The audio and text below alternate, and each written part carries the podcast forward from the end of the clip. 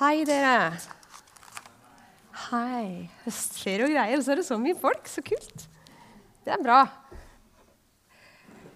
Vi har altså serien Nærmere. Og i dag nærmere hverandre, eller i bevegelse mot andre.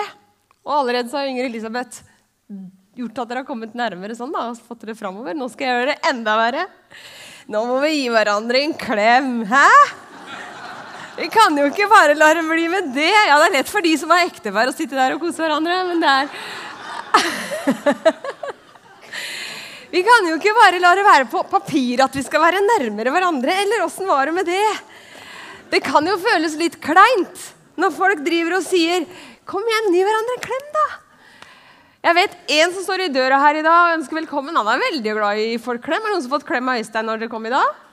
Ja, se der, ja. Det er noen. Så han er veldig god på det. Han er veldig god til å gi folk klem.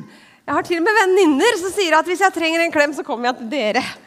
Så det er jo veldig koselig. Han er god på det. Men det der med å være nærmere hverandre, komme nærmere hverandre Inger Elisabeth sa noe om det, det kan kjennes litt, sånn, mm, litt vanskelig òg. Eh, og noen ganger så er det riktig at de skal ha avstand. Eh, men det, den type nærmere jeg skal snakke om her i dag, det er den gode nærmere. Eh, bare så det er avklart med en gang. At ikke det er den, eh, den som du skal holde unna. Si sånn. Der, der vet enhver sjøl hvor man er. Eh, men hva betyr det her å være nærmere? da? Er det, er det det å gi hverandre klemmer, eller er det det å ikke bare være seg sjøl nok, men å bry seg om flere enn andre? Er det det det handler om? Eh, handler det om å ringe på døra til naboen i tide og utide? Er det å være nærmere? Eller er det det å sjekke hverandres status på Facebook? Og stadig finne ut av åssen de andre har det? Er det det som er å være nærmere? Um, det der med Facebook er i hvert fall ganske mange gode på. Å både skrive statuser og oppdatere sine eller se andre sine statuser. Og det er nok en del her som eh, har Facebook, tror jeg, og er ganske aktive på det. Eller vet jeg, må jeg vel egentlig si. Eh, for jeg sjøl er jo innom der stadig og ser hva folk skriver. og finner ut, ja, de gjør det sånn, og de gjør det sånn. Og, og så lurer jeg litt på, jeg tenker på det, Hva er det som gjør at Facebook har liksom hva er det som gjør at vi ikke på Facebook, men de andre sånne steder også, som gjør at vi faktisk sjekker åssen hverandre har det? Og hva som gjør at vi vil se hva de andre tenker på akkurat nå? Hva er det som gjør at vi vil se hva de spiser til middag? Hva er det som gjør at vi vil finne ut av hva som skjer med det siste kjæledyret deres, eller hva som skjer med barna deres, eller hva som skjer med oss osv.? Hva er det som gjør at vi, at vi gidder det, liksom? Hva er det som gjør at vi ønsker å lese alle de tinga her? For det er jo for så vidt mye rart som blir skrevet, da. Er det ikke det? Det er ganske mye rart som blir skrevet her. Ja, Men det rareste er vel at vi leser det. Er det ikke det? Det er jo enda rarere at vi faktisk leser om det. Um, og tenker, Hva gjør at vi ønsker å nærme oss hverandre? Og da tenker jeg at jo, Det er rett og slett fordi at det, jeg liker folk. Jeg liker folk. Jeg syns det er hyggelig med folk. Uh, og det er min gode side. Uh, min mindre gode side er at jeg syns folk kan være ganske plagsomme også. Uh, jeg kan irritere meg. Jeg syns de er slitsomme. Det er min dårlige side. At jeg kan bli stressa av folk.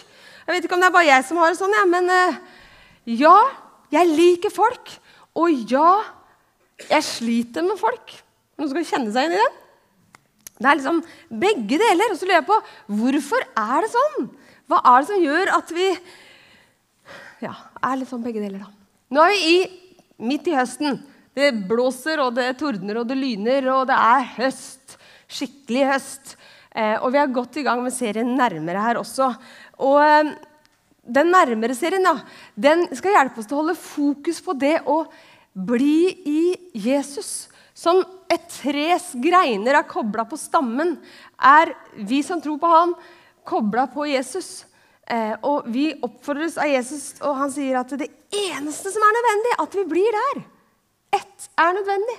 Det er det serien handler om. At vi blir i Han. At vi kommer nærmere Han, at vi kobles på Han på det jevne. At ikke det skjer en gang i uka klokka 11 på en søndag, men at det skjer jevnlig gjennom hele uka vår, hver eneste dag.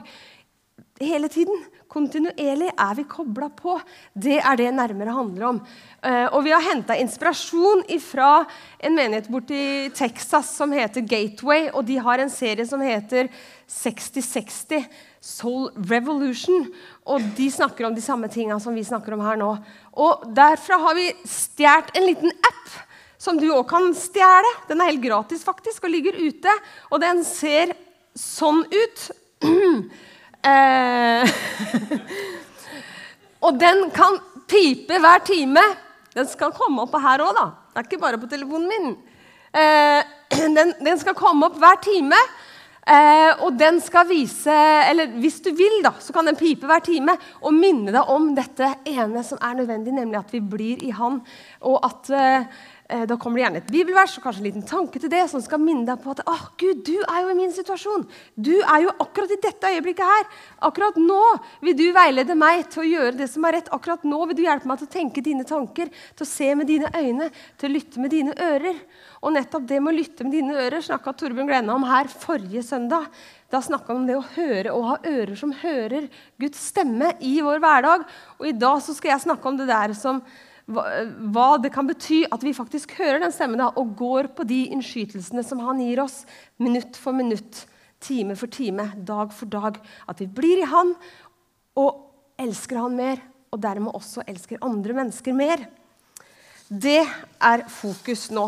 Og når den der tingen eh, piper da, hver eneste time, eh, hvis du vil det, så, så, kan det hende at du blir ah, For et mas! Og du tenker litt det. Og det kanskje kan oppleves litt masete. Men, men eh, hvis du tenker at jeg har jo ikke tenkt på Gud siden forrige gang den pipte, så kan du tenke at ah, nå har jeg tabba meg ut igjen. Men da ikke raml bakover, raml forover, sier jeg da. Tenk at det her er noe som går forover. Det er greit at vi ikke har huska på det, men da får vi påminning der, og så går vi videre derfra. Så tar vi det derfra. Um, I tillegg til den der appen så, så har vi også sånne klistremerker som vi har laga oss. Du kan putte på strategiske steder som passer deg. Eh, de er ved utgangen der etterpå hvis du har lyst på noen sånne klisterlapper. Så du, når du ser de, så minnes du ja, det var sant, ja. Det var Gud og meg, ja. Stemmer det. Sånn var det. Jeg må bare spørre, har ikke de bildene, Er de ikke på gang i dag, eller? Funker det ikke? Nei. Da får vi la det være med det. Det er helt greit. Men OK. Du kan hende du kan oppleve det som et mas, det jeg sier nå. Med at det er påminnelser på klistrelapper og på apper og osv. Men de som har testa ut det her og gjort eksperimentet som de kaller 60-60 der borte i Texas, da, de kan bekrefte det mange av oss andre har opplevd. At når vi kobler oss på Gud, så kommer vi på en måte inn i en sånn greie med at vi kjenner at det er jo faktisk noe der. Det er noe som er godt. Det er en sånn flytsone man kan komme til. Jo mer jeg kobler meg på Guds stemme, jo mer kobles jeg på andre mennesker. Det henger sammen. Når jeg kobler meg på Gud, så kobler jeg meg på også andre mennesker. Det er akkurat som at Når jeg tuner meg inn på Han, så dras jeg mot mennesker. Og når jeg gjør det, og går i, i Guds kraft i det, så kan jeg kjenne at det, ah, det er jo her livet leves. Og jeg kan kjenne at Gud har en lidenskap, og det er folk. Det er én lidenskap Gud har, og det er folk. Det er deg, faktisk. Gud har én lidenskap, og det er mennesker som han elsker. Og når jeg kobler meg opp på det han gir meg innskytelser, så kan jeg leve i det der at han eh, Eller jeg kan på en måte kjenne det hjerteslaget. da, At han elsker folk. Og da når jeg da møter mennesker i hans navn, så skjer det noe i meg. Og det blir en god greie. Så kan man allikevel føle motstand også mot den gode nærheten. Og man kan kjenne at 'Å, jeg orker ikke det. Jeg har mer enn nok med mitt akkurat nå.' Jeg, vil, å, jeg orker ikke noe annet enn det. Men hvis du kjenner på det, så allikevel på en måte trosser den motstanden da, og går på Guds hvisken, går på hans innskytelser, så kan du oppleve det mange har opplevd før at man kommer inn i flytsona i forhold til Gud. Flere av dere hørte jeg talte om noe av det her for noen uker siden, om den der historien om strikking og tigging. Eh, og Hvis ikke du har hørt og lurer på hva jeg snakker om nå, så kan du finne den på våre nettsider, skienmisjonskirke.no, eller at du hører på podkasten vår. Så kan dere høre talen der. Der ligger alle talene våre for øvrig. Eh, Men da sa jeg noe om det at jeg kjente motstand mot å nærme meg og gjøre det som jeg faktisk da gjorde etter hvert. Jeg kjente motstand, men så turte jeg å trosse det, og så blei det helt fantastisk. Og så har det ført til flere ting, som har ført til flere ting, som har ført til enda flere ting. Som er ganske store, syns jeg. Um, og jeg tenker, kjære Gud, altså, fordi jeg våga det lille første skrittet, så åpner han opp en verden som er så enorm og så fantastisk. Så skjer det noe i menneskers liv. Og det kjenner jeg at jeg blir helt wow inni meg av. Det inspirerer meg til å våge å gjøre mer av sånne ting. Det inspirerer meg til å følge Guds innskytelser i større grad. For det gjør noe med meg, og det gjør noe med de rundt meg. Men det er ikke overraskende at det skjer noe, fordi Gud elsker mennesker. Han har én lidenskap, som sagt, og det er deg. Så når jeg da går på hans innskytelser og nærmer meg andre mennesker, så er det klart det skjer noe. For det eneste Gud er opptatt av, er at mennesker skal se hvem han er eneste han ønsker, er at mennesker skal ta imot den enorme kjærligheten han har til hver og en av oss. Og når han da leder oss som følger ham og som tror på ham, da vil han, åh, Det eneste han ønsker, er at flere skal få oppleve det. Det er det det handler om. Gud elsker mennesker. Og så er det umulig å elske Gud uten at vi elsker mennesker. Bibelen sier tydelig i 1. Johannes 4,20 at hvis du sier at du elsker Gud, men hater din bror, da er du en løgner. Det går ikke an å elske Gud og ikke elske vår neste. Det henger sammen. Jesus sier at det største budet er dette. Du skal elske Herren din Gud og de neste som deg selv. De henger sammen. Det går ikke an å elske Gud uten å elske menneskene. Akkurat som hvis du sier til meg, Linda, 'Å, jeg er så glad i deg'. Hvis du liksom å, hyller meg 'Å, Linda, og neste uke er en tufs overfor mine unger, da faller jo alt det du sa til meg, dødt på jorda. Du kan ikke være slem med ungene mine når du er glad i meg. ikke sant? Og samme med Gud. Er, altså, det henger sammen. For ungene mine er en forlengelse av meg. Gjør det ondt mot de, gjør det ondt mot meg. Elsker du de, elsker du meg. Sånn også med Gud. Elsker vi Gud, så elsker vi menneskene. Det henger sammen. Og Jesus sa at det du gjorde mot en av mine aller minste, de utstøtte, de som ingen andre verdsetter, det du gjorde mot de, det gjør du mot meg, sier Jesus. Det henger så sammen. Følger vi Gud, elsker vi Han, så elsker vi også Hans folk. Elsker vi også folk. Hvem som helst. Og så er det jo en vakker tanke da, å skulle inspirere oss til det å elske hverandre og elske våre fiender og elske alle. Og det er nydelig, det. Alle. Vi vil jo være gode. Vi kan jo si ja, ja selvfølgelig, ja, men til det. Ja, ja, jeg vil være god, og jeg vil ikke være egoistisk. Og det er en vakker tanke, det. Eh, det er lett å få folk med på den, liksom. Men det å faktisk gjøre det, og ikke la det forbli teori, at liv og lære faktisk henger i hop, det er jo det som er utfordringen. Jeg lar meg lett overbevise jeg om at jeg skal være god mot andre. Ja, selvfølgelig, Det er jo kjempefint. Det er ingen som går rundt og vil være slemme. Eller noen er det sikkert, men det er ikke så mange av dem, i hvert fall, heldigvis. De aller, aller fleste folk vil være gode. Likevel så kjenner vi på den her, ah, vi er oss sjøl nok. ikke sant? Vi ser at liv og lære blir litt sånn, og da tenker jeg ah, hvordan kan jeg få liv og lære til å henge mer sammen? da? Hva vi kan gjøre med det? Hvordan kan vi liksom komme videre på det? Og så skal vi dykke ned i en av fortellingene som alle evangeliene forteller om. Og Den er hentet, den versjonen jeg leser nå, da, det er fra Johannes. Det står hos alle sammen. Men i Johannes så står det i kapittel 6 om en liten gutt som jeg tror de aller fleste har hørt om. Nemlig han der som hadde med seg nistepakke. Eh, det var en forsamling på over 5000 mann pluss kvinner og barn eh, som var sammen. Og Der var en liten gutt som hadde en nistepakke med fem fisker Nei, det hadde han ikke. Han hadde fem brød og to fisker. Og så blei det nok mat til alle. Er det noen som har hørt den? Det tror jeg det er. Um, og utgangspunktet er da denne lille gutten i den fortellingen. Han eh, var i en annen kultur enn vår. Vi ikke, kjenner ikke den kulturen så godt. Omgivelsene var ulike det vi kjenner til. Men det vi kjenner til er at han var en liten gutt. Han var en helt vanlig gutt. En gutt som lekte, som lekte, og som lo, og som krangla, og som sloss, og som datt, og som slo seg, og som gråt, og som var liksom en helt vanlig gutt. Det er det det handler om. En vanlig gutt. Som et barn, sånn som alle av oss har vært. Um, og da vet vi litt om åssen barn tenker. De gjør alle ting, og så kjenner de det her konseptet mitt. De vet at hvis jeg har så mye godteri, så burde jeg ikke dele, for da blir det mindre på meg. Det er mitt.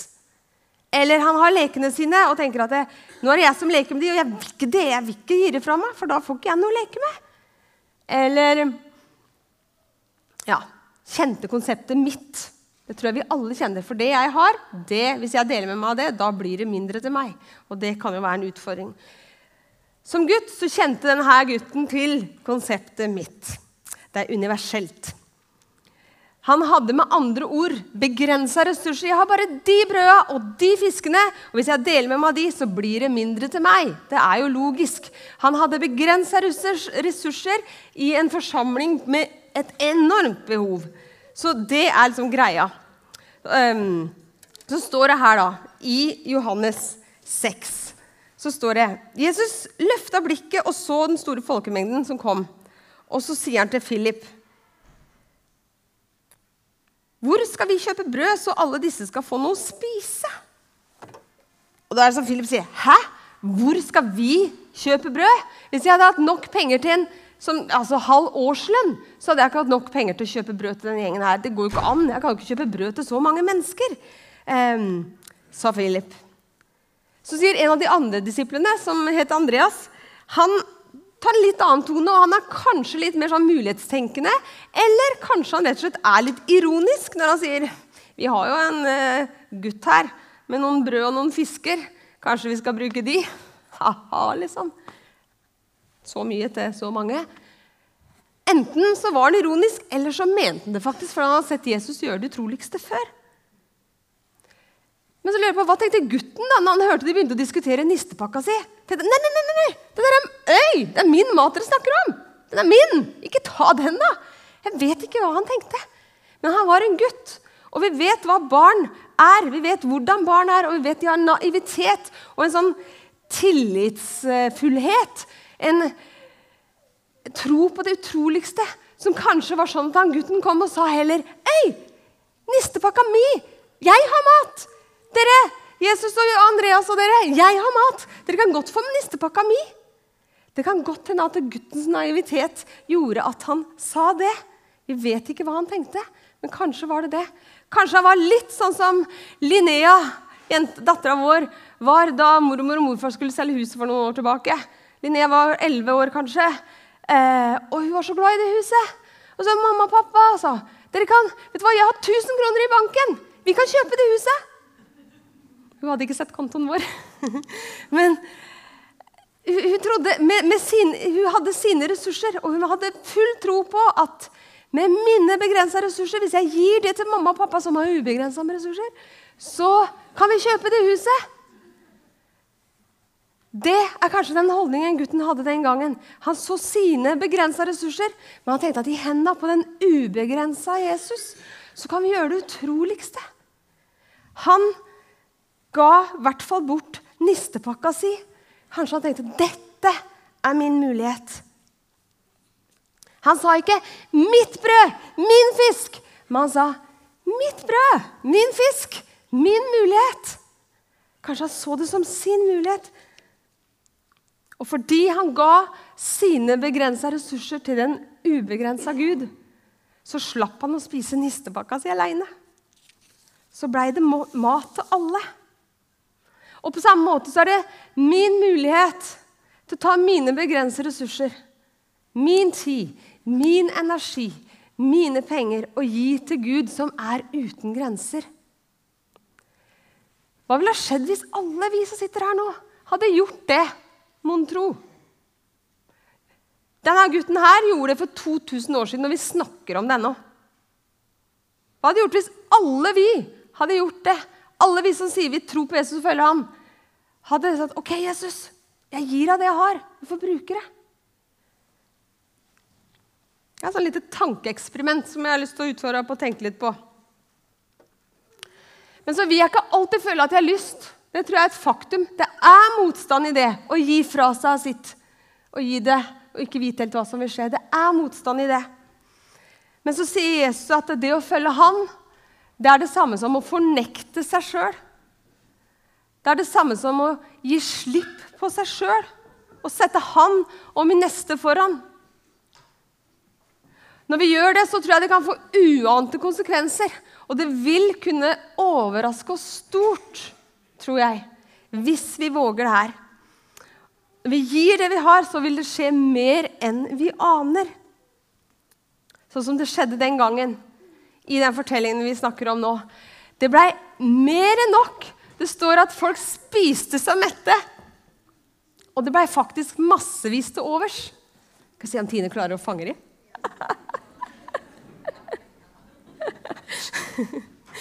Jeg skal fortelle en historie som har skjedd for litt over 20 år siden, og Linda Galdal var med for det. Mm, hun vet ikke at jeg skal si det her nå. Og Det er litt om det her å ha ubegrensa ressurser og gi det til Gud, og så skjer ting som vi ikke aner rekkevidden av. Det er festet et lite kappløp i salen. Der ble jeg overtalt! Det er så bra. For for ca. 20 år siden var jeg og Linda med i noe som heter Kings Kids i Ungdom i oppdrag. Og så var vi på tur til Murmansk i Russland. Og der skal jeg si vi hadde ubegrensa ubegrensa ressurser. Der hadde vi begrensa ressurser. Fordi Linda og jeg og ei som heter Anne Grete, vi utgjorde en sånn liten sangtrio. Og sammen med denne gjengen fra UiO så var vi og besøkte et fengsel med livstidsfanger i. Og de var ikke ofte utafor og så andre folk. De var ikke utenfor nå heller, for vi fikk lov til å komme inn til de, og så skulle vi synge for dem og snakke om Jesus til dem og dele ut bibler. Og jeg i hvert fall kjente meg bitte liten. og tenkte, ja, verdens rike, hva er det her for noe? De er farlige mennesker. Og, uh, liksom. og det pianoet vi hadde som Anne Grete skulle spille på, det var så stort. Ca. to oktaver. Og, sånn. uh, og så sto vi der, og så sang vi There's no place I can hide from your love. En sang fra Oslo Gospelkor. Eh, og så hadde vi en liten innledning til den og sa at eh, det er ikke et eneste sted i verden du kan rømme fra Guds kjærlighet. Han er der uansett. Snakka har vi litt om. Forklarte sangen. Selv i et fengsel kan Guds kjærlighet være. Og etterpå så ville de ha bibler. Og så tenkte vi at ja, ja, det var nå det. Og dro vi.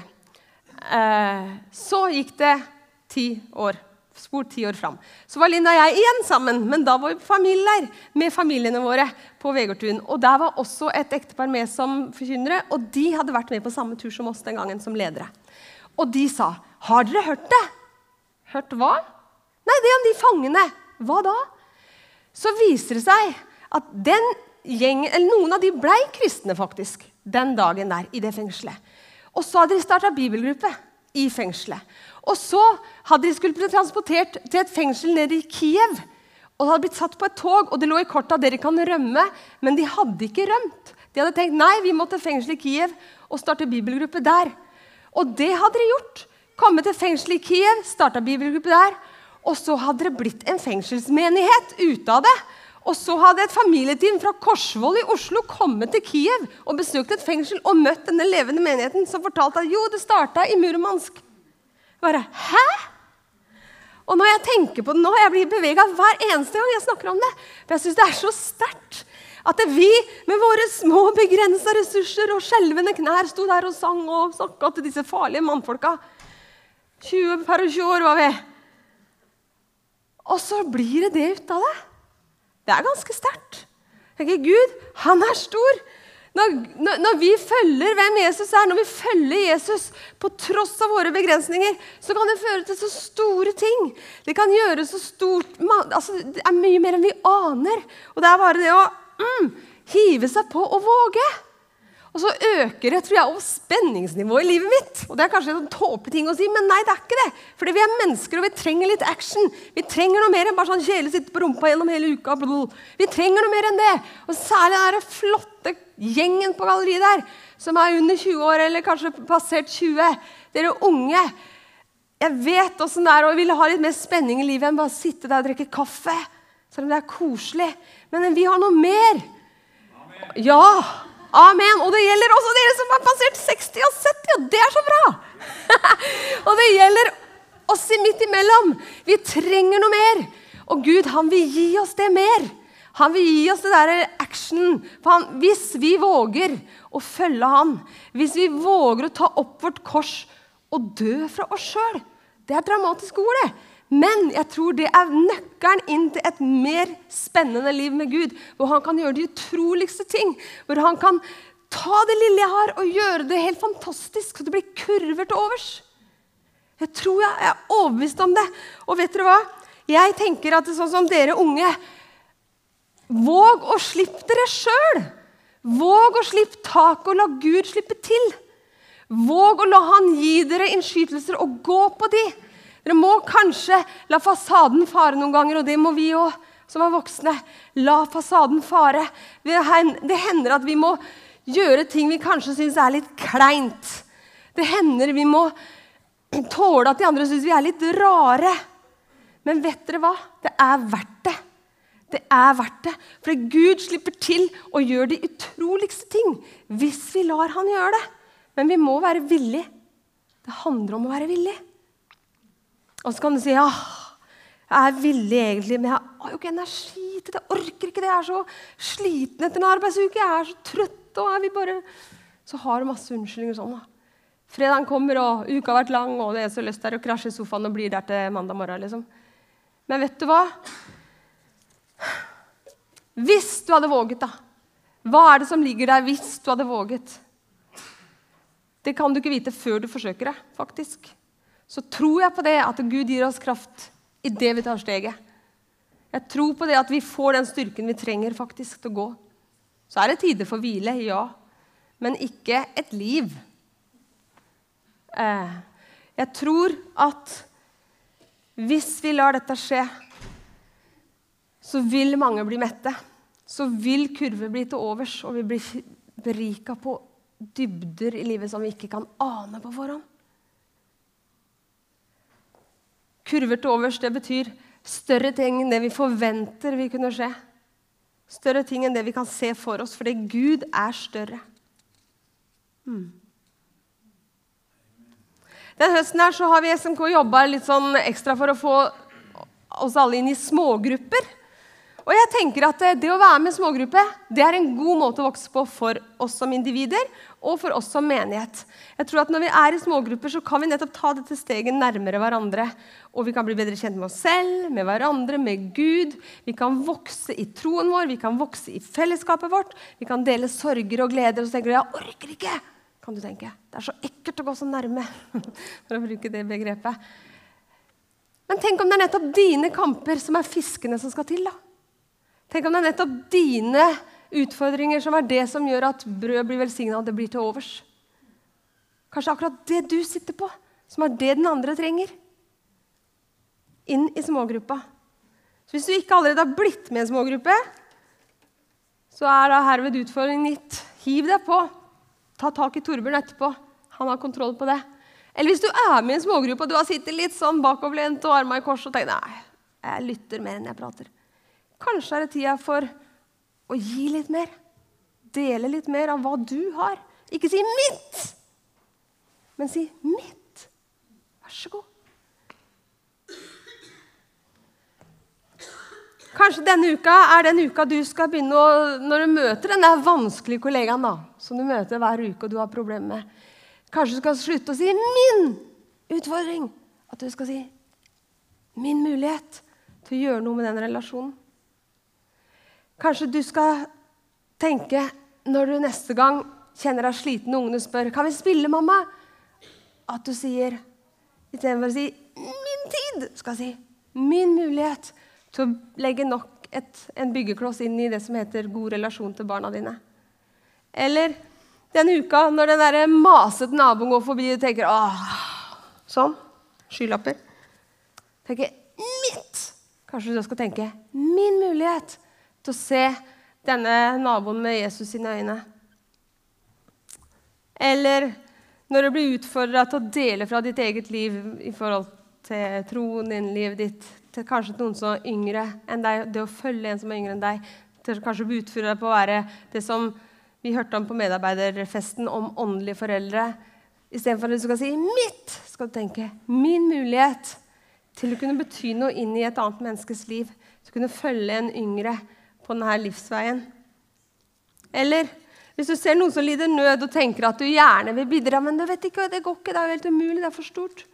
Du skal ikke tenke 'mitt', men skal tenke 'min mulighet' til å kunne gjøre en forskjell. For jeg tror at hvis vi legger våre begrensninger i hendene på den ubegrensede Gud, da vil store ting kunne skje. Da gir vi Gud muligheten til å gjøre store ting. Vi vet ikke hvilke muligheter vi forløser når vi gir noe til Gud.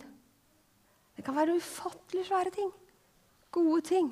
Og hvis du tenker at dine, ja, mine ressurser er så små, så skal du vite at det lite i hendene på den ubegrensa Gud blir alltid stort. Det kan hende det ikke skjer noe, men tenk om det gjør det, da. Vil du være det foruten?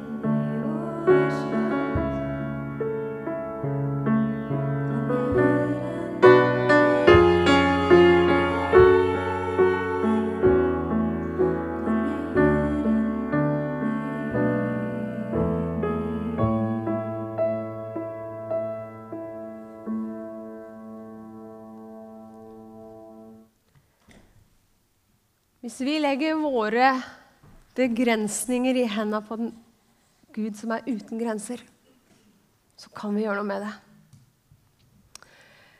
Vi skal synge litt sammen nå.